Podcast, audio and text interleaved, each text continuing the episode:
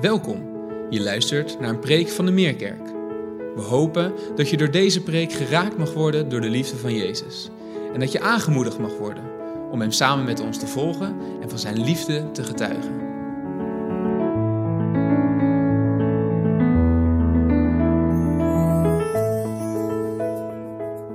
Het is zeer ehm, ontroerend om deze beelden te zien. En in het bijzonder die blijde gezichten aan het eind.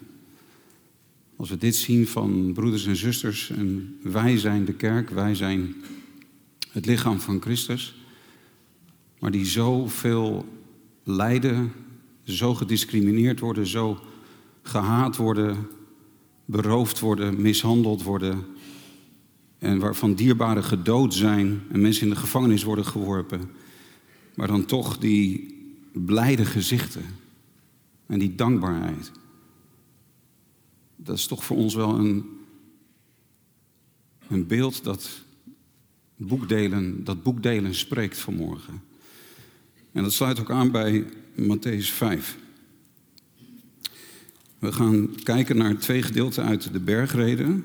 We denken na, zijn allebei al voorbij gekomen. Het eerste gedeelte in het lied dat we hebben gezongen. Het tweede gedeelte is ook aan het begin van de dienst al gelezen. Het eerste gedeelte is Matthäus 5, vers 10. We gaan het met elkaar lezen. Zalig zijn zij die vervolgd worden, gezegend zijn zij die vervolgd worden, om de gerechtigheid, want van hen is het koninkrijk der hemelen. Zalig bent u als men u smaadt en vervolgt en door te liegen allerlei kwaad tegen u spreekt, omwille van mij. Verblijd u en verheug u, want uw loon is groot in de hemelen. Want zo hebben ze de profeten vervolgd die er voor u geweest zijn. En we lezen ook vanaf vers 43. Dat sluit hier dan ook weer bij aan, omdat er ook gesproken wordt over hen die u vervolgen. Vers 43, u hebt gehoord dat er gezegd is, u moet uw naaste lief hebben en uw vijand moet u haten. maar ik zeg u, heb uw vijanden lief. Zegen hen die u vervloeken. Doe goed aan hen die u haten. En bid voor hen die u beledigen en u vervolgen. Zodat u kinderen zult zijn van uw Vader die in de hemelen is. Want hij laat zijn zon opgaan over slechte en goede mensen en laat het regenen over rechtvaardigen en over onrechtvaardigen. Want als u hen lief hebt die u lief hebben, wat voor loon hebt u dan? Doen ook de tollenaars niet hetzelfde? En als u alleen uw broeder groet, wat doet u meer dan anderen? Doen ook de tollenaars niet zo? Wees dan volmaakt, zoals uw Vader die in de hemelen is, volmaakt is. Tot zover. De zaligsprekingen zijn eigenlijk een beschrijving van het karakter van de Heer Jezus Christus zelf. En dat is ook wat Hij in ons bewerkt als Hij in ons woont, door zijn Heilige Geest, dat wij meer op Hem gaan lijken. Ze horen ook allemaal bij elkaar, die zaligsprekingen, die ook in dat prachtige lied wat we zojuist hebben gezongen, allemaal voorbij kwamen uit het begin van Matthäus 5. Maar dat betekent dat al die dingen die gezegd worden in die verschillende zaligsprekingen ook allemaal voor ieder van ons zijn bedoeld. Dus het is niet zo dat de ene christen is arm van geest en de andere christen is zachtmoedig en weer een andere christen hongert en dorst naar de gerechtigheid. Maar dit zijn ja, kenmerken of eigenschappen die het leven van iedere christen behoren te uh, beschrijven. En ook deze toestand van veracht en verworpen worden, gesmaad en vervolgd worden, is net zo goed een teken van echt discipelschap als rein van hart zijn en barmhartig zijn. Dat betekent dus dat als wij die beelden zien van de vervolgde kerk in al die landen, waar Open Doors ons van op de hoogte brengt en ook andere organisaties, dan staat dat soms ver van ons af, omdat wij in een zeer vrij land leven. We leven in een heel prachtig land wat dat betreft. Maar tegelijkertijd moeten ook wij verwachten dat er tegenstand zal zijn van een wereld die in de macht van de boze ligt.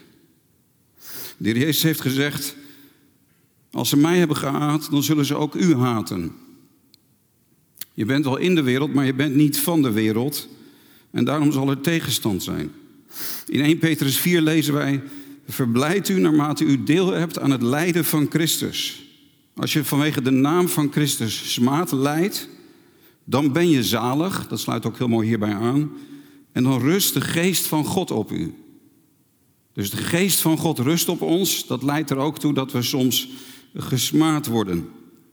Handelingen 14, vers 22. Door vele verdrukkingen gaan wij het koninkrijk van God binnen. Zou dat alleen gelden voor de, de echt vervolgde kerk? Dit is niet een kenmerk van alle discipelen. 2 Timotheus 3, vers 12. Alle die in Christus Jezus een godvruchtig leven willen leiden, zullen vervolgd worden.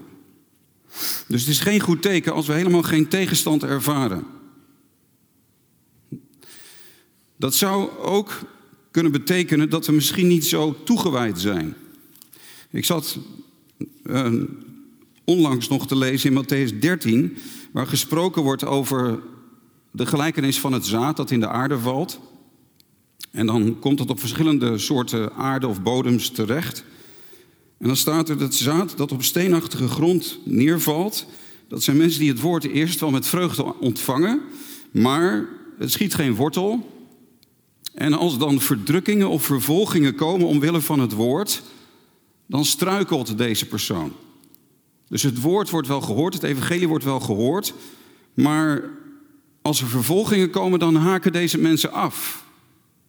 En dan is er ook geen vervolging meer. Als je afhaakt, als je niet verder gaat met, op de weg van Jezus, ja, dan zul je ook geen last meer hebben van een wereld die tegen je is, omdat je zo'n ander waardesysteem hebt gekregen. Dus geen vervolging kan.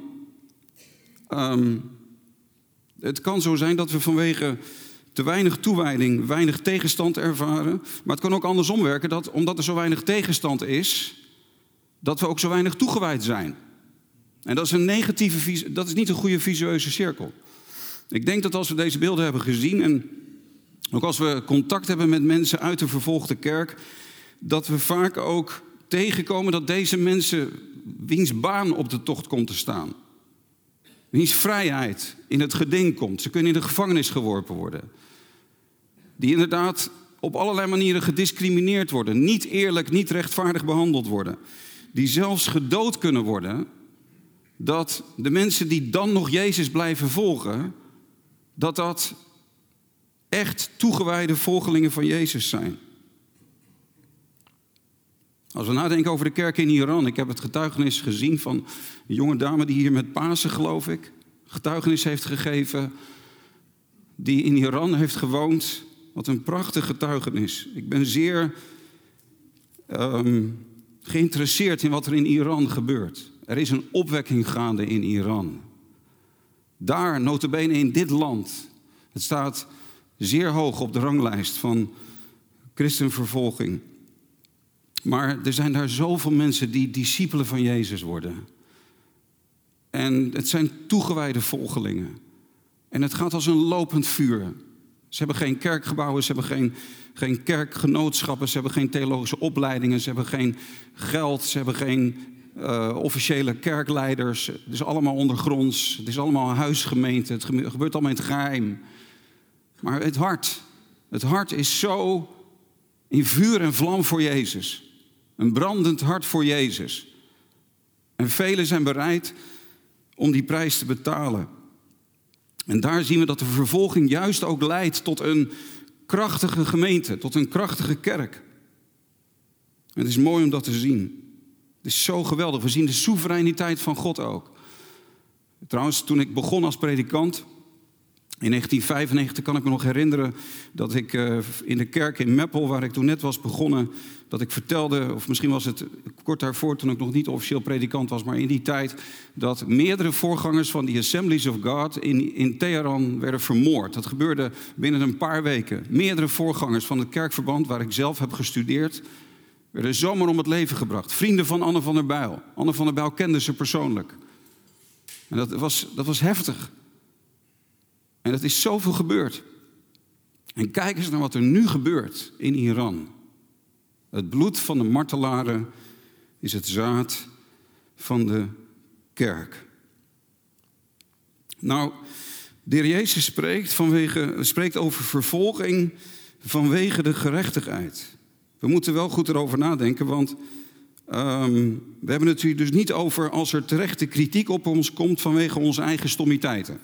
Of onze eigen zwakheden, of onze eigen verkeerde handelingen. Het kan ook zijn dat we tegenstand krijgen, maar dat ligt dan ook aan onszelf. En dan moeten we daar ook naar luisteren. Dan moeten we ook bereid zijn om onszelf te onderzoeken en onszelf te evalueren. Maar het kan ook zijn dat we tegenstand krijgen vanwege de gerechtigheid. Of omwille van mij, zegt de Heer Jezus. Om mijnend wil. En waarom dan deze weerstand? Nou, in de eerste plaats, omwille van de gerechtigheid. Wij als volgelingen van Jezus, wij zijn geroepen om wetteloosheid achter ons te laten. En door de geest gaan wij steeds meer leven naar de wet van God. De geest legt de wet in ons hart, waardoor wij gaan hongeren en dorsten naar de gerechtigheid.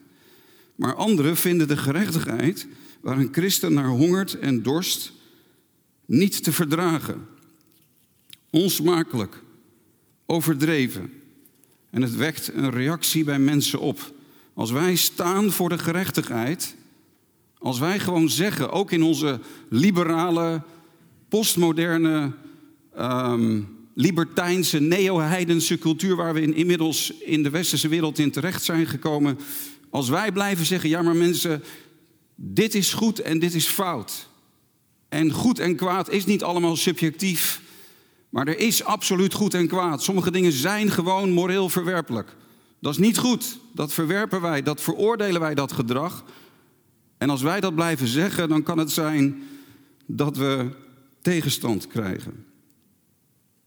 En het heeft er ook mee te maken dat mensen de God en de Jezus verwerpen die wij hebben aangenomen.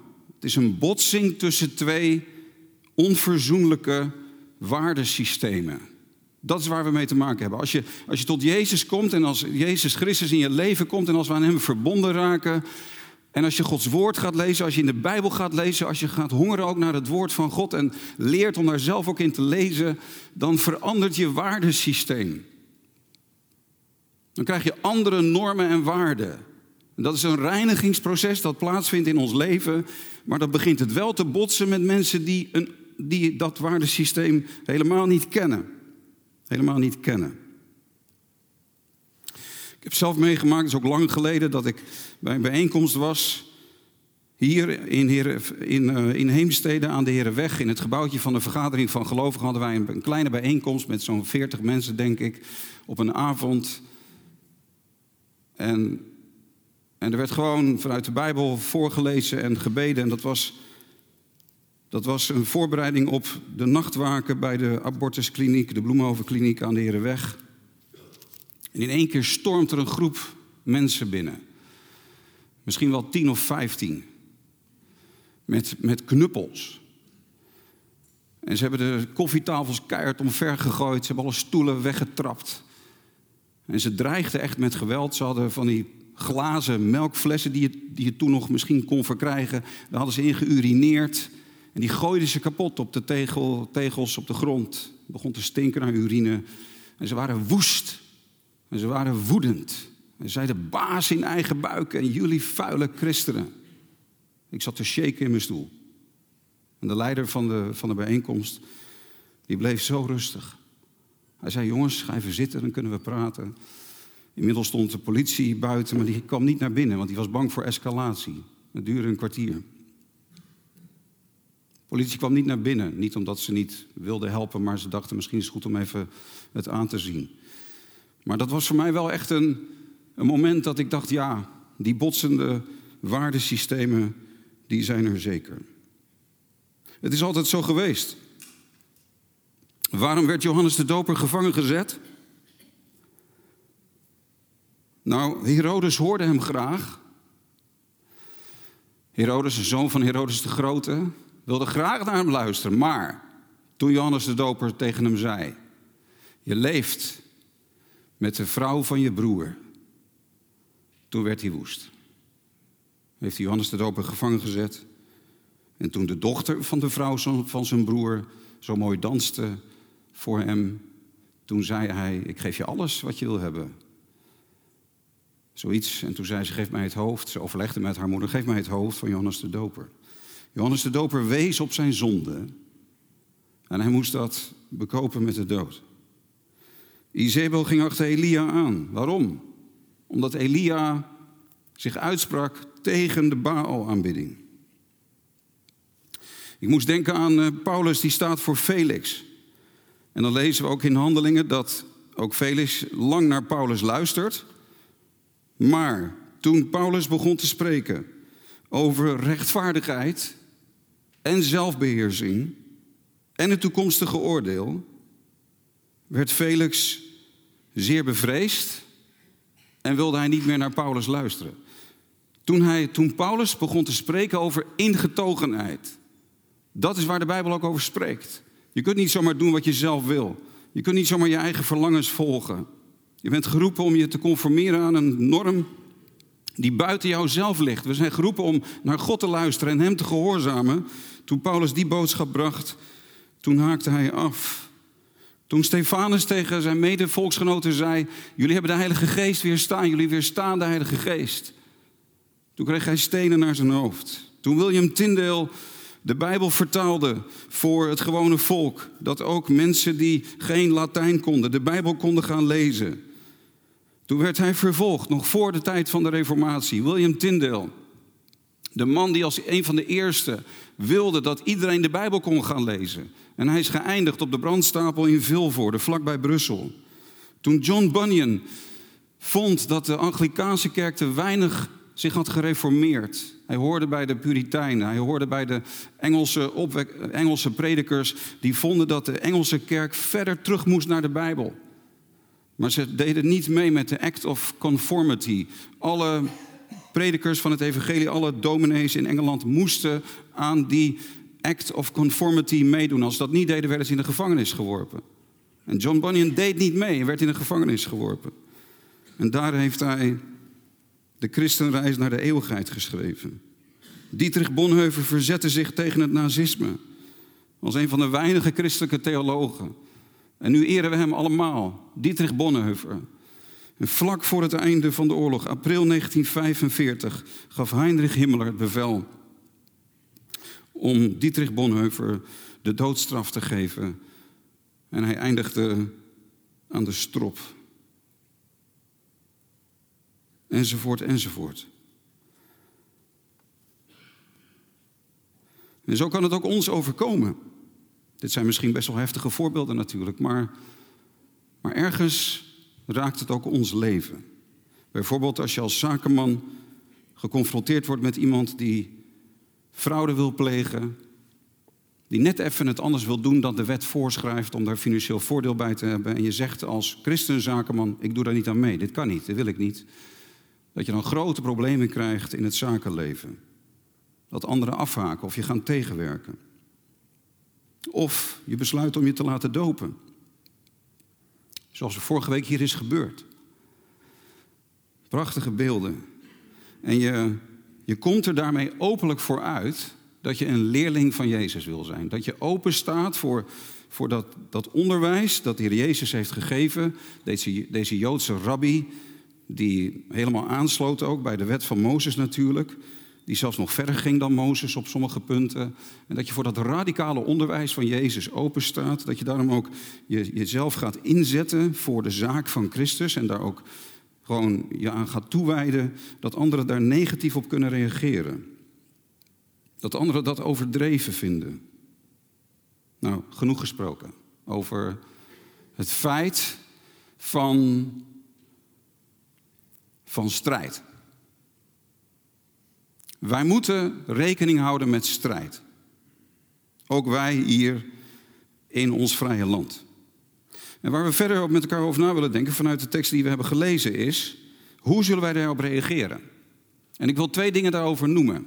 Als wij hiermee te maken hebben, En misschien is het voor u herkenbaar, min of meer herkenbaar, maar ergens misschien wel voor ons allemaal een beetje of misschien een beetje boel herkenbaar.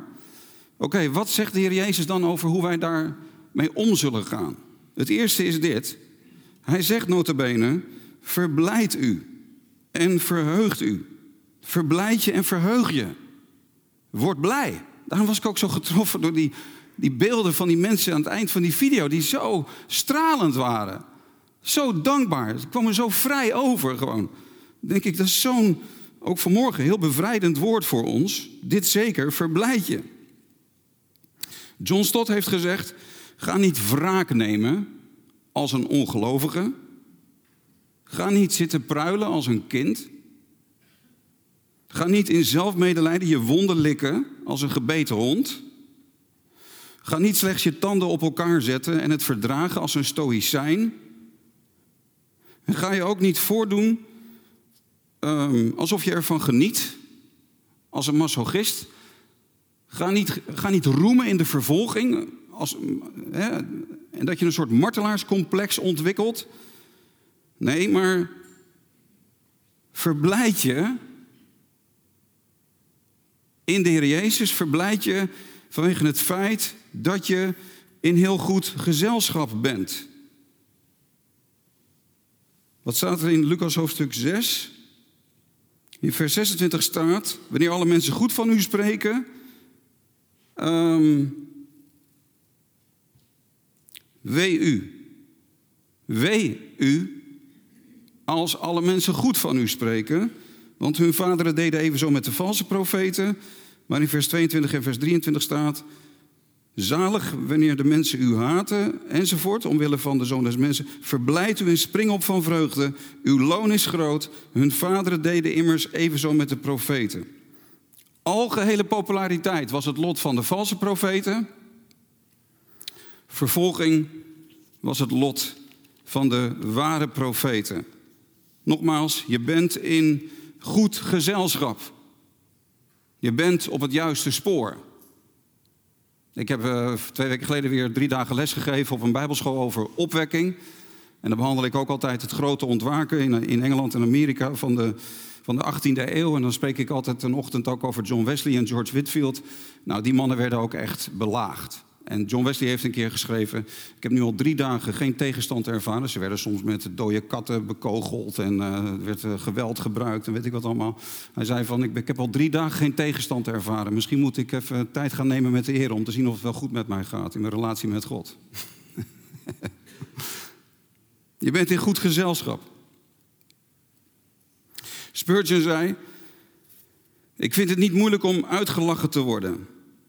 Ik kan me verblijden in spot en schimp. Karikaturen, spotschriften en lasteringen zijn mijn glorie.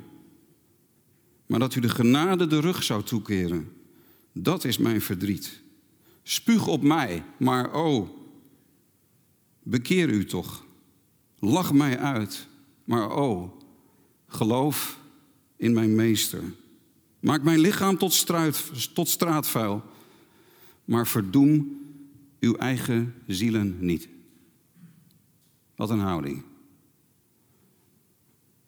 Met mij kan je doen wat je wil, maar ik zal me verblijden als er tegenstand komt. Maar mijn hartzeer is als je je blijft afkeren van mijn heiland en van de redder van je eigen ziel.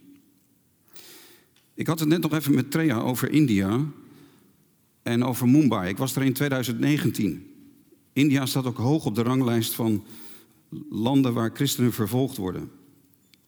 En um, ik was daar toen voor het derde jaar op een rij. En ik hoop dit najaar weer naar India te gaan, want ik ben betrokken geraakt bij een groep gemeenten in India, namens het kerkverband waar ik bij hoor.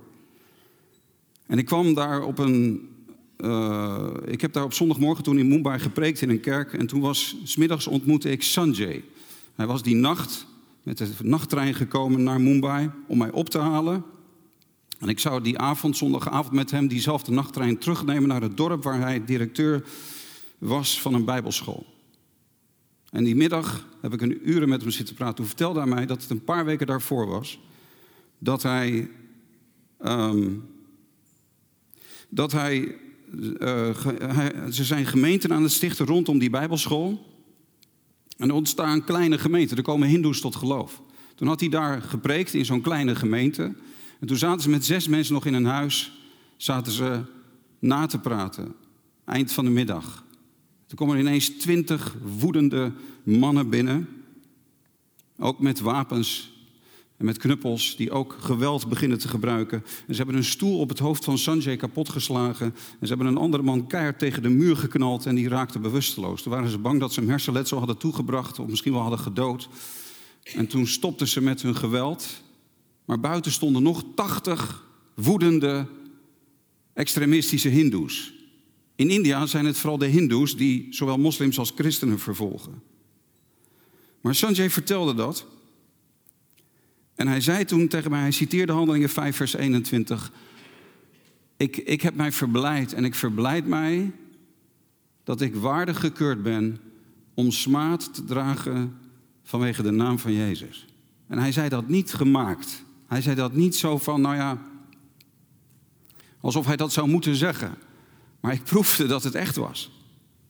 Ik ben die week met hem meegegaan, ik heb hem leren kennen. En uh, ik heb een hele fijne week gehad op die Bijbelschool. Ik heb, ik heb uh, vier dagen lang s'morgens en smiddags les gegeven aan alle studenten en alle staf. En hij vertaalde mij al die tijd. En ik heb hem en zijn gezin leren kennen. En ik dacht, dit is een man van God. Ik ben blij om hem te ontmoeten. Hij inspireert mij. En toen ben ik daar weer weggegaan. Toen kwam corona. Toen had ik videocontact met hem. Toen zei hij dat. Hij zei toen dat de school dicht moest, dat alle studenten weg moesten. Maar wat deed Sanjay? Hij ging biddend langs de dorpen rondom de Bijbelschool. Later besefte ik, hij ging dus terug naar die plekken waar hij bijna, waar hij zo in elkaar geslagen was. Hij ging bidden, hij ging gebedswandelingen maken, hij ging soms dagen gewoon lopen naar die verschillende dorpen en daar bidden, bidden, bidden dat God door zijn geest en door het evangelie meer mensen tot geloof in Jezus zou brengen. Niet bang, niet uit het veld geslagen. Misschien wel vanwege die blijdschap. Dat hij waardig was gekeurd om ook smaad te dragen vanwege de naam van Jezus. En toen, niet zo lang daarna, kreeg ik een bericht van een andere voorganger uit India dat Sanjay ziek was met corona. Ik kreeg een, video, een foto van hem dat hij echt met een masker op op bed lag. En twee weken later is Sanjay aan corona overleden. Hij was jonger dan ik zijn kinderen jonger dan mijn kinderen, dan onze kinderen. Het heeft me diep getroffen. En ik heb nu nog steeds contact met zijn vrouw en met zijn kinderen. Naar aanleiding van dit verhaal heb ik onze eigen achterban gevraagd om te geven voor deze weduwe. In de zomer van 2021. Daar is zo royaal op gereageerd dat we nu meerdere weduwen kunnen onderhouden. Weduwen van geestelijk werkers die vaak helemaal niks hebben, helemaal niks aan pensioen. Maar wat een voorbeeld. En ik proef ook bij zijn weduwe. Veel, veel meer dan wij hebben zij zoiets van, ja maar God regeert over ons leven. Hij is onze God. En dit is niet buiten hem om gebeurd. Hij heeft dit toegelaten. Sanjay was in zijn handen, ook toen hij stierf. En wij zijn in zijn handen, ook nu we zonder hem verder moeten. Een groter besef van de trouw en de soevereiniteit en de betrouwbaarheid van onze God. Dat is het eerste. Hoe zullen wij reageren op als ons tegenstand overkomt het antwoord is: verblijd je. Weet je, dit maakt je zo vrij, nietwaar? Ik zat erover na te denken dat als we, als we deze boodschap vanmorgen te pakken krijgen, hè, van we zijn vaak bang voor wat er kan gebeuren. We zijn bang voor wat ons kan overkomen. We zijn bang voor wat mensen tegen ons kunnen doen. We zijn bang om bestolen te worden. We zijn bang om slachtoffer te worden op de een of andere manier. We zijn bang voor de gemene, venijnige daden of woorden van anderen. Dat is eh, heel herkenbaar voor ons allemaal. We zijn, we zijn allemaal wel een beetje bang voor wat de toekomst zal brengen. Maar als Jezus hier nou zegt, stel je nou voor dat je echt iets naars overkomt vanwege de, de rottigheid van anderen, en zeker als dat te maken heeft met je christen zijn, dan zegt Jezus, verblijd je. Dat maakt toch vrij? Dat maakt geweldig vrij van, van bekommernis en zorgen en, en dat je de hele tijd zit, zit, bang zit te zijn. Hij zegt gewoon verblijd je. Zelfs als je je leven zou moeten verliezen, wees niet bang voor hen die het lichaam kunnen doden. Wees niet bang daarvoor. Maar vrees de Heer. Vrees de Heer. Wees bang voor de zonde. Wees bang voor het niet doen van de wil van God. Maar wees niet bang voor wat mensen je kunnen aandoen. En het tweede, waar ik nog heel kort over wil spreken, is dat Jezus ons natuurlijk in dat tweede gedeelte oproept om degene die ons vervolgen, om die lief te hebben. Er staat nergens in de Bijbel dat je je naaste moet liefhebben en je vijand moet haten. Er staat niet, u hebt immers gelezen dat er geschreven staat, u moet uw naaste liefhebben en uw vijand moet u haten. Nee, er staat, u hebt gehoord dat er gezegd is. U kunt het nergens in, in de wet en de profeten in het Oude Testament vinden dat er staat dat je je vijand moet haten. Er staat juist ook in Spreuken 25, als je vijand honger heeft, geef hem te eten. Als hij dorst heeft, geef hem te drinken. Ook het Oude Testament de wet en de profeten leren, heb zelfs je vijand lief. Jezus sloot aan bij de wet van Mozes. En wat zullen we doen met degene die ons vervloeken? Zegen en. Degene die je haten, doe hen goed. Degene die je beledigen, bid voor hen. Dit hoort bij het meest uitdagende maar ook het meest relevante onderwijs van onze Heer Jezus Christus. Dit is zo relevant. Je zou het ook zo kunnen zeggen, wij worden geroepen door de Heer Jezus om in een tegenovergestelde geest ons op te stellen. De ander doet venijnig en wij doen zachtmoedig. De ander liegt en wij spreken de waarheid. De ander verwerpt en wij aanvaarden mensen. Enzovoort. Denk erover na. Dat is discipelschap. Trouwens, dat betekent niet dat als wij dat doen, als wij opgeroepen worden onze vijanden lief te hebben, enzovoorts, dat we daarmee het, het kwaad ontkennen, doen alsof dat nooit is gebeurd, of dat we onverschillig zouden zijn ten aanzien van het kwaad. Dat betekent ook niet dat we het kwaad goed spreken. Dat betekent niet dat als wij anderen accepteren dat we het kwaad ook accepteren. Nee, we ontkennen het kwaad niet. Kwaad is kwaad. En zonde is zonde. En zonde moet zonde genoemd worden. En we gaan dat niet goed spreken. Als wij opgeroepen worden de ander te vergeven en mild te zijn en kwaad met goed te beantwoorden, haat met liefde te beantwoorden, dan betekent dat niet dat het kwaad wat de ander doet geen gevolgen voor die ander heeft, geen consequenties voor die ander heeft. Als iemand anders je mishandelt, heeft die persoon nog steeds te maken met het gerecht in Nederland. Het is zelfs niet verkeerd om aangifte te doen van mishandeling of van geweld. Ik denk dat je aangifte moet doen als jouw kwaad wordt aangedaan. Dat zijn de consequenties voor het gedrag van die ander.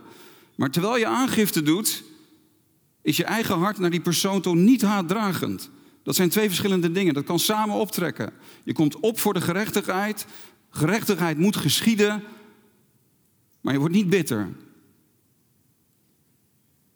Er ontstaat geen wrok van binnen. Dat is waar Jezus ons toe oproept. En als wij de ander lief hebben en, en als Jezus ons oproept om te vergeven en de schuld kwijt te schelden en het bij de ander niet in rekening te brengen, dan betekent dat ook niet dat de ander zal veranderen en nooit meer kwaad zal doen. En nog één ding, het betekent ook niet dat als wij vergeven, dat onze gevoelens dan gelijk meekomen.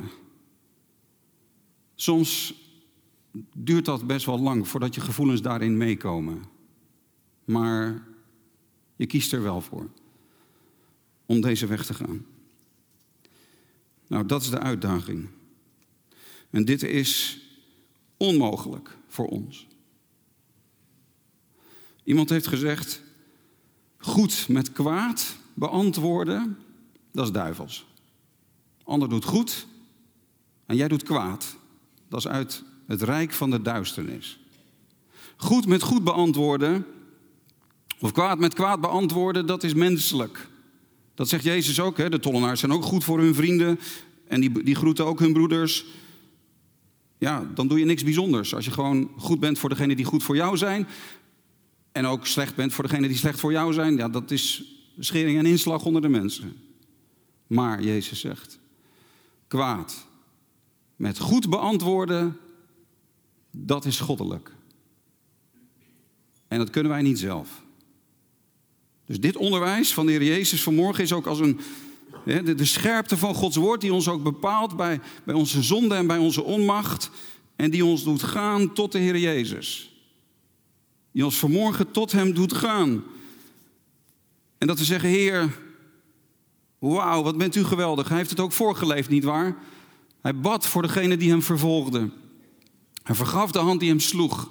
Hij gaf zijn leven voor degene die hem haatten en verwierpen. Jezus is de man van liefde bij uitstek. Niemand heeft zulke liefde getoond als Jezus. Hij was niet alleen een prediker van dit onderwijs, maar hij deed het ook. Hij heeft het ook helemaal voorgeleefd. En dan zeggen wij vanmorgen, Heer, wat, wat ik niet kan, dat heeft u wel gedaan. Dat is het hele evangelie. Wat wij niet kunnen, namelijk volgens de wet gaan leven. En veranderen. Wij kunnen onszelf ook niet veranderen. Maar Jezus heeft de wet vervuld. En dan kom je tot Hem en dan bid je, Heer, Heer, vul mij met uw geest en geef mij de genade om goed te doen voor degenen die mij kwaad doen. Dat is het thema van vanmorgen. Goed doen aan degenen die ons kwaad doen.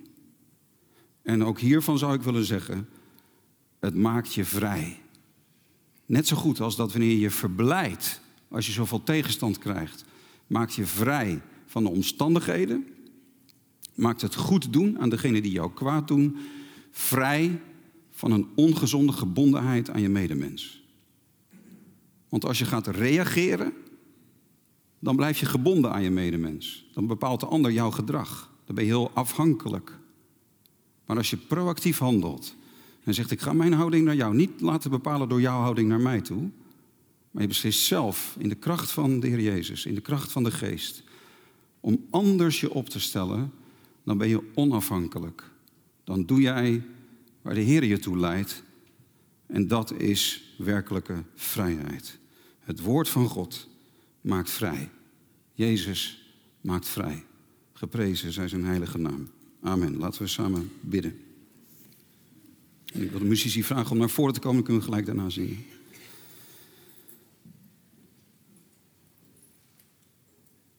Heer, we zijn zo dankbaar voor uw woord dat zo levend is en zo krachtig. We zijn u dankbaar, Heer, dat u ons vanmorgen ook helderheid van denken heeft gegeven en dat het licht schijnt in ons hoofd en in ons hart. Heer, dan, dan zeggen we met elkaar vanmorgen, Heer, dit is ons te machtig, dit is, dit is veel te groot voor ons. En dan danken we u zo dat we uw naam mogen aanroepen. En dat we u mogen vragen, Heer Jezus, kom in mijn hart. Neem het hart van steen uit mijn weg en geef mij een hart van vlees dat lief heeft. Stort uw, heilige, stort uw liefde uit in onze harten door de Heilige Geest deze morgen. We bidden voor elkaar, we bidden voor een ieder die worstelt met vijanden, die worstelt met mensen die hun kwaad hebben gedaan. We bidden voor ieder die hier vanmorgen aanwezig is of kijkt of luistert, die, die inderdaad met ongerechtigheid, met vervolging, met smaad, met leugens, met vijandschap te maken heeft gehad. Heer, geef ons alstublieft de genade om zoals u te doen. Dat we, de, dat we uw wil doen in dit alles. Heer, geef ons alstublieft die kracht. En dank u dat u dat doet. Dank u, Heer, dat u ons op de weg van de vrijheid leidt. Stel ons ook tot een zegen voor elkaar in dit alles. Dat we hier met elkaar over door kunnen praten. Dat we met een ander kunnen praten over die worsteling met bitterheid. Die worsteling met wrok. Die worsteling om te vergeven. En om af te komen van onze haat. Geef dat we ook misschien vanmiddag of vanavond of deze week iemand kunnen opzoeken of met iemand kunnen praten. Ik wil met je praten over mijn wrok en ik, ik bid dat ik zal lief hebben. Wil je me daarbij helpen? Zegen ons zo met elkaar. Zegen deze gemeente met heel veel liefde, met de liefde van Jezus. Halleluja. Amen. Fijn dat je hebt geluisterd. Voor meer informatie ga naar www.meerkerk.nl.